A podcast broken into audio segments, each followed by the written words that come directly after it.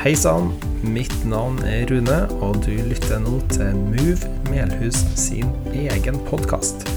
Besøk oss gjerne på movemelhus.no for mer informasjon, eller søk oss opp på Facebook. Vel bekomme. Ja. Og veldig hyggelig å få lov til å, til å komme til Melhus. Og jeg syns òg det er veldig kjekt at, eh, at det er sånn familiesamling, og at det er mye barneskrik og mye unger.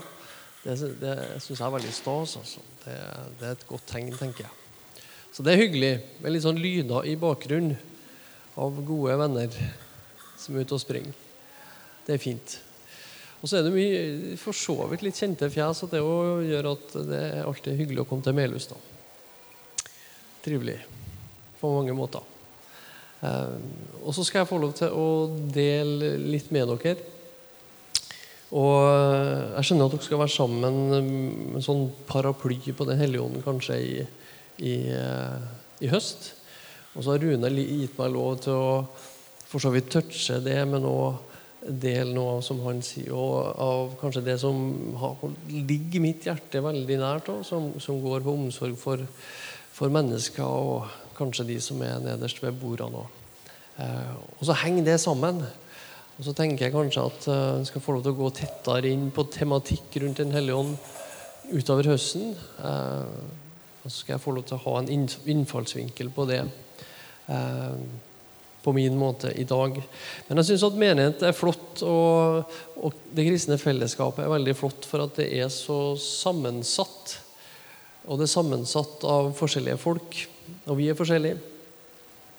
Og så tror jeg òg at Gud har satt oss sammen fordi at eh, han ser at det trenger eh, menigheten. Eh, og noe av det som er fint, er at Gud kanskje legger forskjellige sånne eh, begeistringer på hjertene våre. Eller forskjellige personer, hvis vi skal si det sånn. Altså Noen er opptatt av det, og så har Gud lagt andre ting på andres hjerte. Rune og Lisa på lovsang, f.eks. Um, og så er det andre som har andre ting. Og så blir det sånn at totalt så blir det en helhet som, som ligner på i kirke, på en måte, tror jeg. Som, som Gud har lyst til at det skal være. Eh, og så tror jeg også det er viktig å se liksom eh, raust på hverandre og, og, og på hverandre sine hjertesaker. Se at det henger sammen, og se at det er en del av en helhet. Eh, og jeg tenker jo at Av og til også har jo Kirka hadde en tendens, eller menigheten hadde en tendens til å komme i en type sånn skyttergravskrig om hva som er viktig, og hva som ikke er viktig. Det tror jeg vi skal unngå, men heller å prøve å se på helheten. Eh, blant annet så har det jo tradisjonelt vært sånn at noen har jo vært ihuga mm, på det at alt vi skal gjøre, det skal være evangelisk arbeid. Og vi skal, vi skal forkynne og undervise og snakke om Jesus, og så er det kanskje en annen grøft der, der andre bare har vært opptatt av av uh, sosialt engasjement og, og, og, sosialt arbeid, skulle jeg si. Og så har det blitt en sånn skjevvekt, uh, kanskje begge veiene.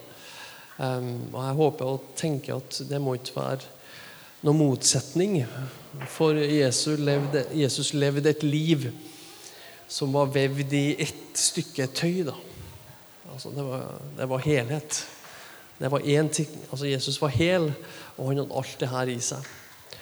Um, men jeg kjenner samtidig på at jeg lita bekymring på at uh, vi er en del av en kirke som kanskje, sånn den store kirka, som kanskje på et eller annet vis ga slipp på noe av uh, barmhjertighetsarbeidet en gang for en del tiår tilbake da velferdsstaten var godt etablert osv., så, videre, og så, videre, så, så slapp Kirka tak i noe som jeg tenker Kirka aldri kan slippe. For det er en del av det å være kirke å ha et varmt hjerte for det utslåtte. Og noe av det ligger veldig på hjertet mitt òg. Og så tror jeg det er relevant å snakke om. Og når vi snakker om um, Den hellige ånd og Den hellige ånds oppgave midt iblant oss noe av det jeg tror ligger ånden på hjertet, det er åpenbart å, å vise oss Jesus. Det er åpenbart å tydeliggjøre oppdraget. Hjelpe oss å følge Jesus. og hjelp oss å være opptatt av de riktige tingene. Og så tror jeg det at når Ånden kommer nær, så er det veldig lite som handler om deg og meg. Misforstå meg rett. Men jeg tror fokuset vårt når Ånden kommer nær, er at vi blir opptatt av eh, eh, de andre. Altså vi mister navledragninga. Eh, og vi blir opptatt av det som skjer rundt oss, det som rører seg utafor. Det som Jesus hele tida leter etter. I Apostelens gjerninger 10.38 Jeg skulle jo hatt ting på skjermen. Jeg rakk ikke det i dag. Eh, men jeg hørte en annen kamerat han, han glemte ha minnepinna si sin en gang. og så, så trøsta han seg med det at i en powerpoint så er det verken power eller så mye point. Så vi får si det i, i dag òg, at vi klarer oss uten. Vi har sett nok foiler. Men i Apostlenes gjerninger 10.38 så sier, eh, står det at Jesus fra Nasaret ble salva av Gud med Den hellige ånds kraft. Og han gikk omkring overalt og gjorde godt. Altså en direkte konsekvens av at Ånden kommer nær, og en direkte konsekvens av at Jesus ble fylt av Den hellige ånd, at mennesker blir fylt av Den hellige ånd. En direkte konsekvens av det er at en blir opptatt av å gå rundt og, og gjøre godt. Og jeg tenker at det er noe vi skal eh, ta inn over oss. Altså, Den hellige ånd og alt det åndelige det er masse flott. Men ei slagside tenker jeg av og til at altså, i åndeligheten så kan vi eh, være i fare for å bli sjølopptatt og, og innadvendt. For ei side av det som er god åndelighet, det er òg at eh, det er noe som er tiltrekkende. I hvert fall opplever jeg er sånn sjøl. Altså det å være i en sånn eh, åndsfylt atmosfære, eller å være i, et, i åndens nærvær, det er noe som jeg, er, altså, som jeg opplever som noe godt individuelt. Altså Det blir noe jeg søker for på en måte å, å, å nærmest få tilfredsstilt noen av mine egne åndelige behov. Og så kommer det inn en sånn skeiv loop som jeg tenker at vi skal være litt påpasselige med. Spesielt i det samfunnet vi lever i i dag. For der er vi så vant til at vi er konsumenter. Vi er så vant til at vi sjøl er midt i sentrum. Vi er så vant til at vi skal dine og mine behov, og fordi vi fortjener det, osv. Så, videre, så kan vi prestere å ta med oss det inn i kirka. Og så blir åndeligheten vår også en sånn type greie som, som får et sjølsentrert fokus. Fordi at jeg skal ha en opplevelse. Men så tror jeg at når Den hellige ånd kommer, så, så, så gjør han noe med kjerneveden i oss. Som gjør at uh, det vi først og fremst blir opptatt av, det er å se rundt oss. Vi får et skarpere syn. Vi får noen skarpere ører. Og vi får et varmere hjerte, tror jeg.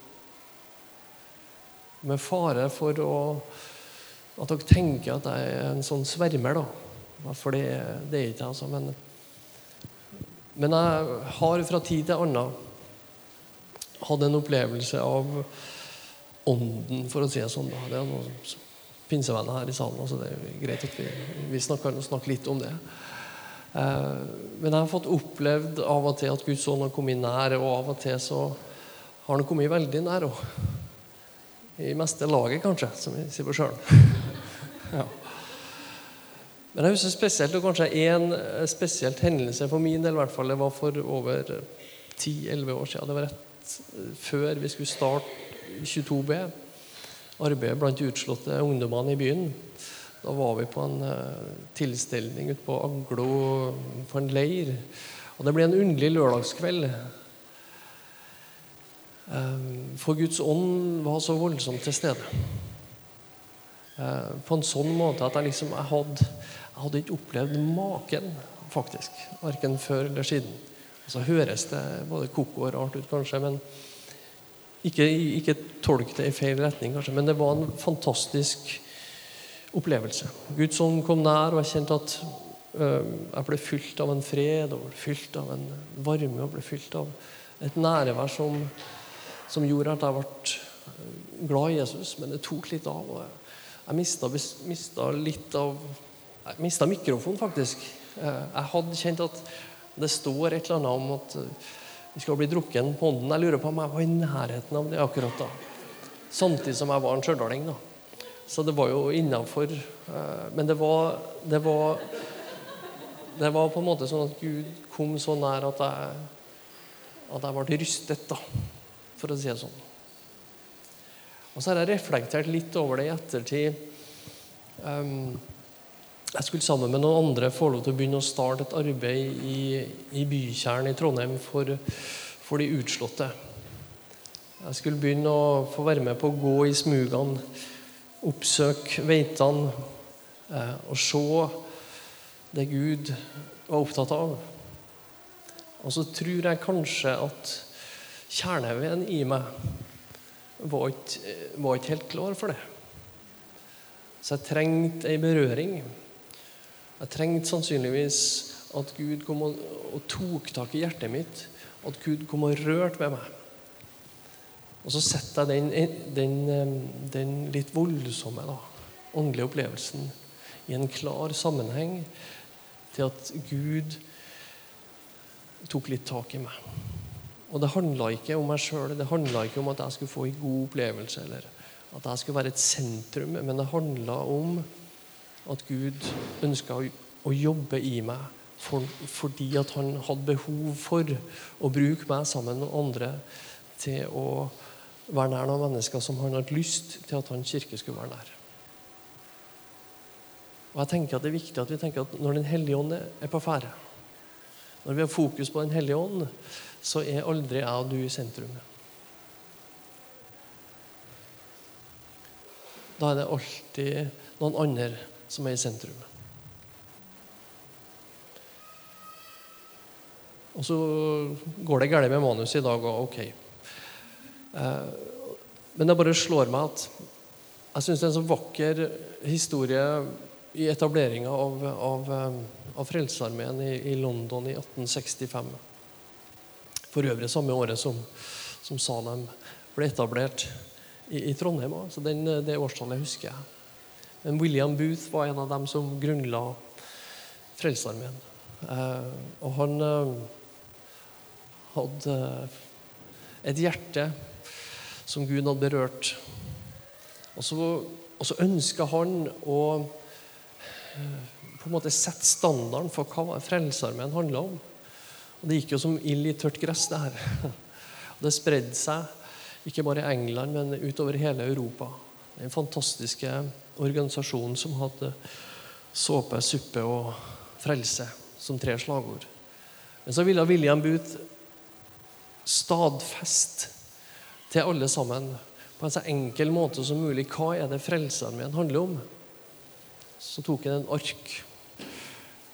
Eh, og så sendte han et telegram til hele, hele organisasjonen. Og på det arket så skrev han bare ett ord. Ett eneste ord. Others. Others. Og så ble det publisert i hele Europa. Hva er det Frelsesarmeen handler om? Jo, det handler om de andre. Det handler om de andre. Og jeg tenker at For oss som kirke og menighet så tror jeg det er helt avgjørende at vi i hvert fall snakker jeg for min egen del, avgjørende at jeg får skrudd det siktet mitt.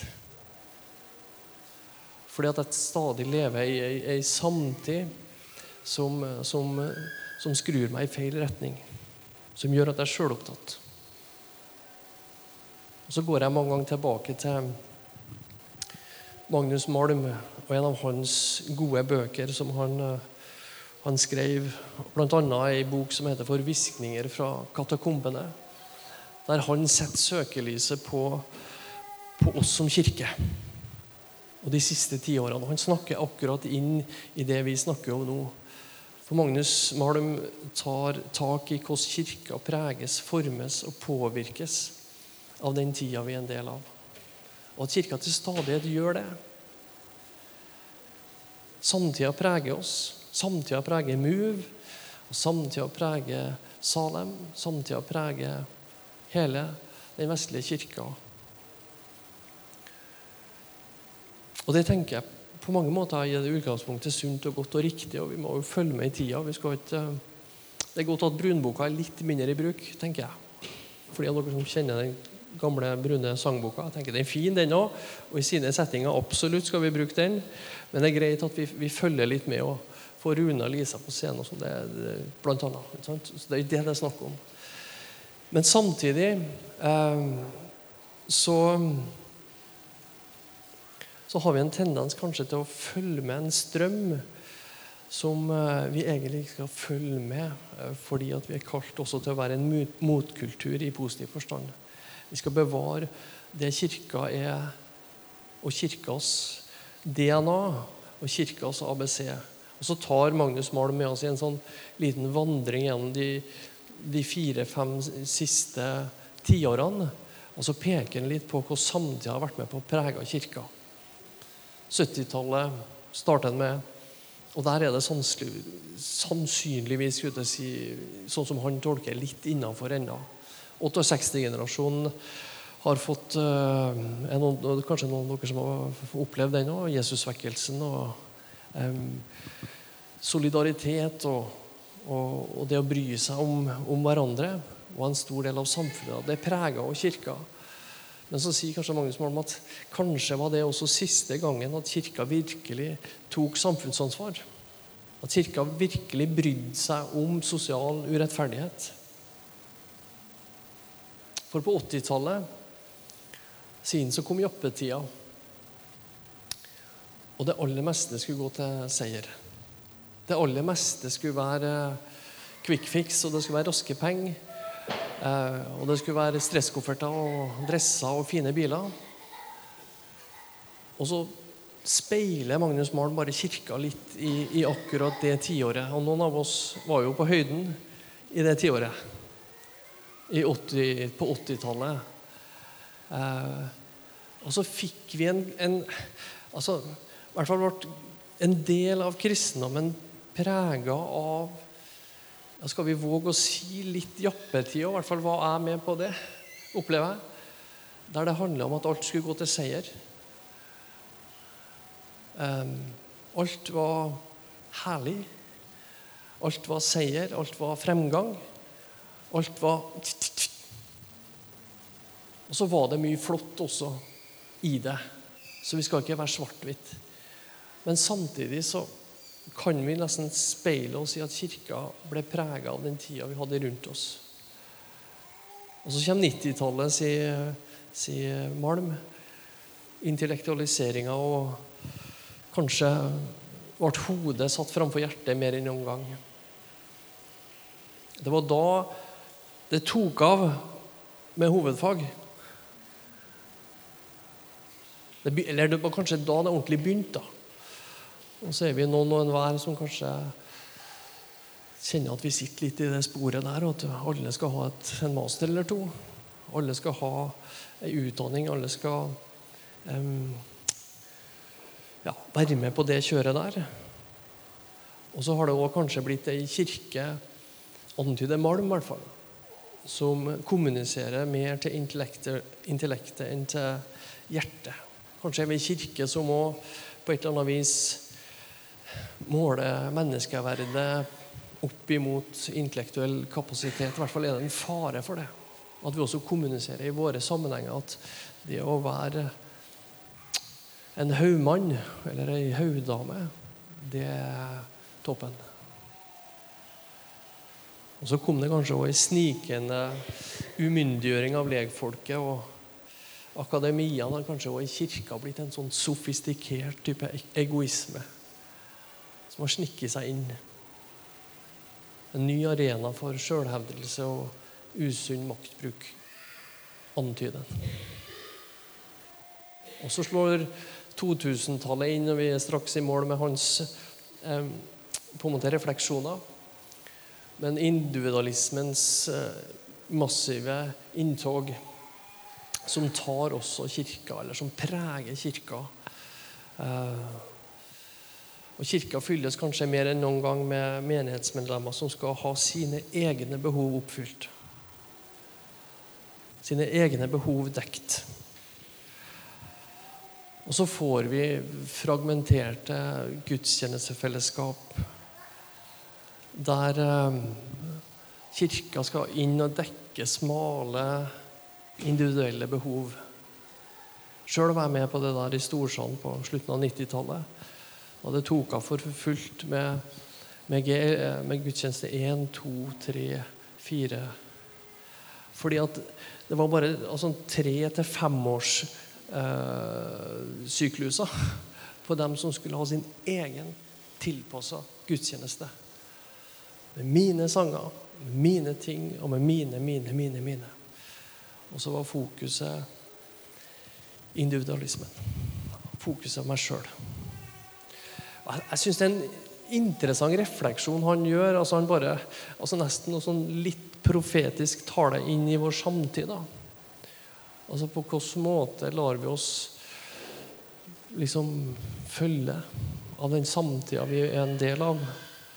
Så ønsker Magnus Malen bare å minne oss på at vi i enhver samtid ikke skal glemme kirkas ABC.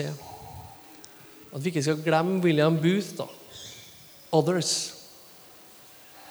At vi ikke skal glemme at det er noe av det som Gud alltid ønsker, som alltid ligger på Guds hjerte. At vi skal være en kirke som, som er varm, og en kirke som er helhetlig. Og en kirke som eh, ønsker å ha fokus på de andre og ikke på seg sjøl. En kirke som elsker mennesker, som dekker behov, og som samtidig formidler et godt budskap. Jeg tror at når Ånden får slå ned i oss, når Ånden får berøre oss som fellesskap, så tror jeg at noe av den justeringa, noe av det siktepunktet, noe av det vi er kalt til å være, blir tydeligere for oss. Derfor så tror jeg det er så viktig at vi inviterer oss, roper og ber 'Kom, Hellige Ånd', og berør oss fordi at vi trenger det. Vi representerer en Gud som ser. En Gud som ser. Første juledag for eh, en del år tilbake så Mens jeg jobba i, eh, i, i 22B, og, uh, så, så kommanderte kona mi meg inn til byen. Uh, fordi at vi satt rundt frokostbordet og spiste julefrokost på et sånt første juledagsfrokostbord. Og det vet dere hvordan det ser ut. Det bugna. Og så sa Ingunn, kona mi, at Arne, du kjenner så mye folk i byen som ikke har et sånt frokostbord. Så kan du kjøre altså, Hun syntes det var gærent at vi satt der. Og det hadde hun helt sikkert rett i. Det hadde ikke jeg tenkt på. Jeg hadde fått uh, silda mi og Alt var godt. Så sa jeg skal du kjøre en tur til byen og hente noen av de guttene som du kjenner, som ikke har noen å sitte sammen med nå.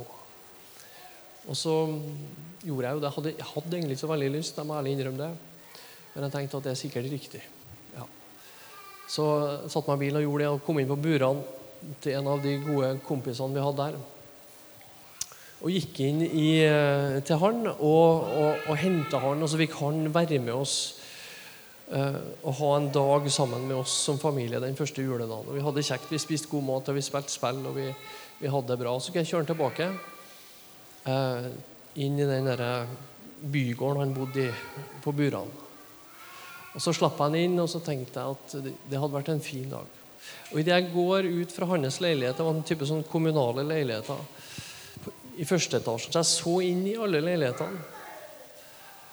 Så så jeg det at uh, i leiligheten ved siden av hans så satt det ei, uh, ei litt gammel dame i sånn krimplinkjole og pynta seg til jul, men hun satt helt alene. Feira første juledag. Så gikk jeg forbi neste vindu. Der satt det en mann, også i pensjonsalder, med en dress og et rødt juleslips. Han satt òg alene. Og så gikk jeg forbi ett vindu til. Så satt det én person til for seg sjøl første juledag. Så går jeg og setter meg i bilen.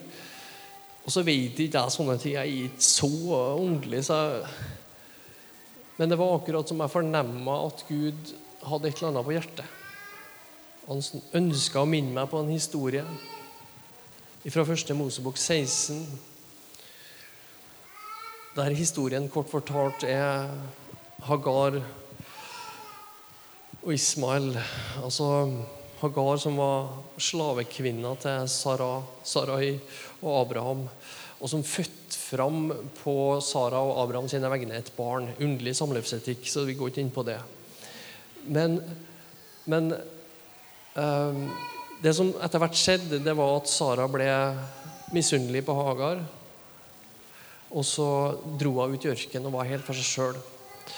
Forlatt, fortvila og ensom, har blitt utstøtt av matmora si. Og der ute i ørkenen så kommer Gud gjennom en engel og møter Hagar. Det var en engel, og vi går inn i teksten. Så sa Herrens engel til henne, se, du er med barn og skal føde en sønn. Du skal gi han navnet Israel, for Herren har hørt at du ble ydmyket. Da satte hun dette navnet på Herren som hadde talt til henne. Du er en Gud som ser meg.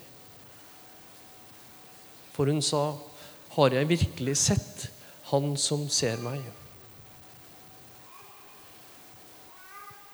På Jesu vegne så skal vi få lov til å se mennesker. Vi skal få lov til å se og være klar over at vi representerer en Gud som, eh, som ser enkeltmennesker. Og jeg tenker at det kan være en viktig og flott oppgave for eh, det kristne fellesskapet.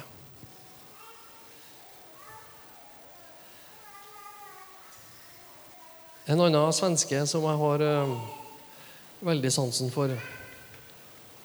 Som jeg burde ha huska navnet på nå, som holdt på å datte ut for meg. Uh, Runar Eldebo heter han. Jeg vet ikke om dere har møtt han. Men han snakker av og til om Guds tre favoritter. Som han tenker at kirka på en eller annen spesiell måte skal ha fokus på.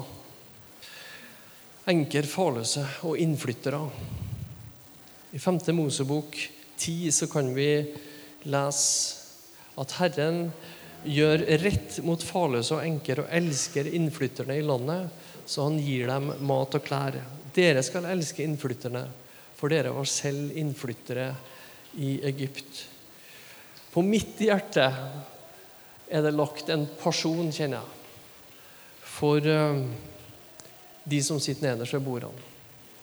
Og jeg har fått lov i noen år og vært med på det i Salem. Um, og jeg tenker det skal ikke alle gjøre. Gud legger forskjellige typer personer i, i, i forskjellige folks hjerte. Men gudshjertet tror jeg banker ekstra for de som sitter nederst ved bordene. Og Det å være kirke handler på mange måter om å ta vare på, vare på hverandre. Ikke minst eh, de svakeste i samfunnet. Og jeg tror at det er nødvendig at eh, vi som kirke har et sånt markant berøringspunkt med den gruppa der i arbeidet vårt. Og så tror jeg ikke vi skal gjøre det for voldsomt eller for ambisiøst. eller hva det skal være. Men jeg tror at Gud kaller ethvert fellesskap til å ha et berøringspunkt med de utslåtte. Og at det nærmest er et troverdighetsspørsmål for oss som kirke. I det høye og hellige, hellige bor jeg hos den som er knust og nedbøyd i ånden. Jeg er heldig på å bruke opp tida mi, og jeg skal gi meg for så vidt med det verset. Jeg har lyst til å dele litt med dere. Dere har skjønt på noe av det jeg sier, at jeg har òg blitt glad i gudsnærværet. Jeg er blitt glad i å være, jeg er glad i å være sammen med Jesus. Jeg er glad i å være i sammenhenger der han er nær. Det er godt å være i menighet, og det er godt å være sammen med Jesus å være i hans nærhet. Men så opplevde jeg for en, en sånn ny opplevelse for meg for, for en, en, god del år tilbake. Um, og det at det gudsnærværet Det kunne jeg òg erfare andre plasser enn jeg kunne, hadde forestilt meg at det fantes.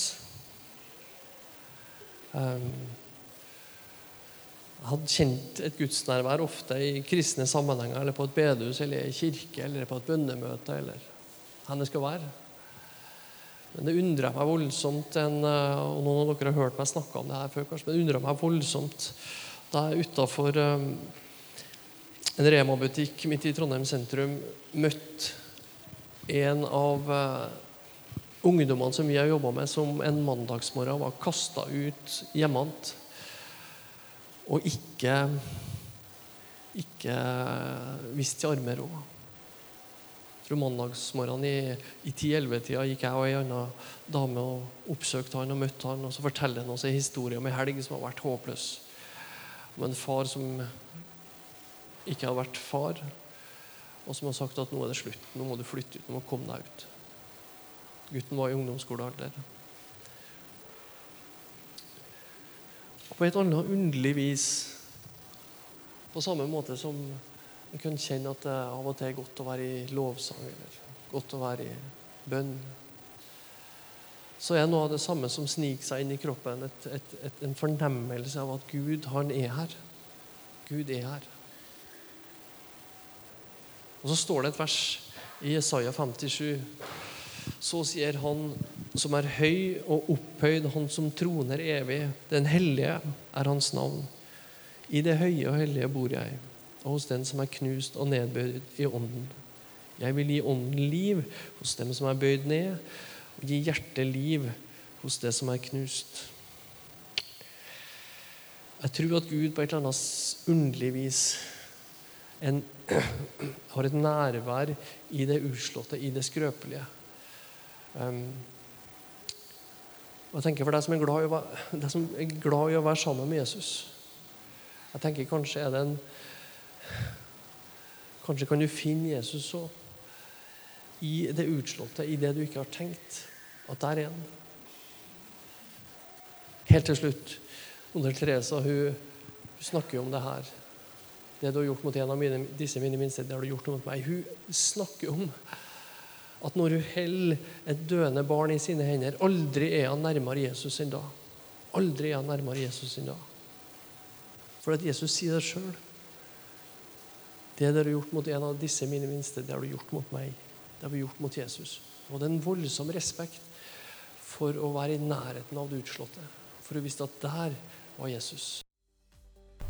Beklager om å bryte inn eh, helt på slutten her, men pga. noen tekniske problemer så har vi ikke siste del av denne talen. Håper du fikk med deg hovedbudskapet, så er du hjertelig velkommen til å lytte til flere av våre taler. Guds fred.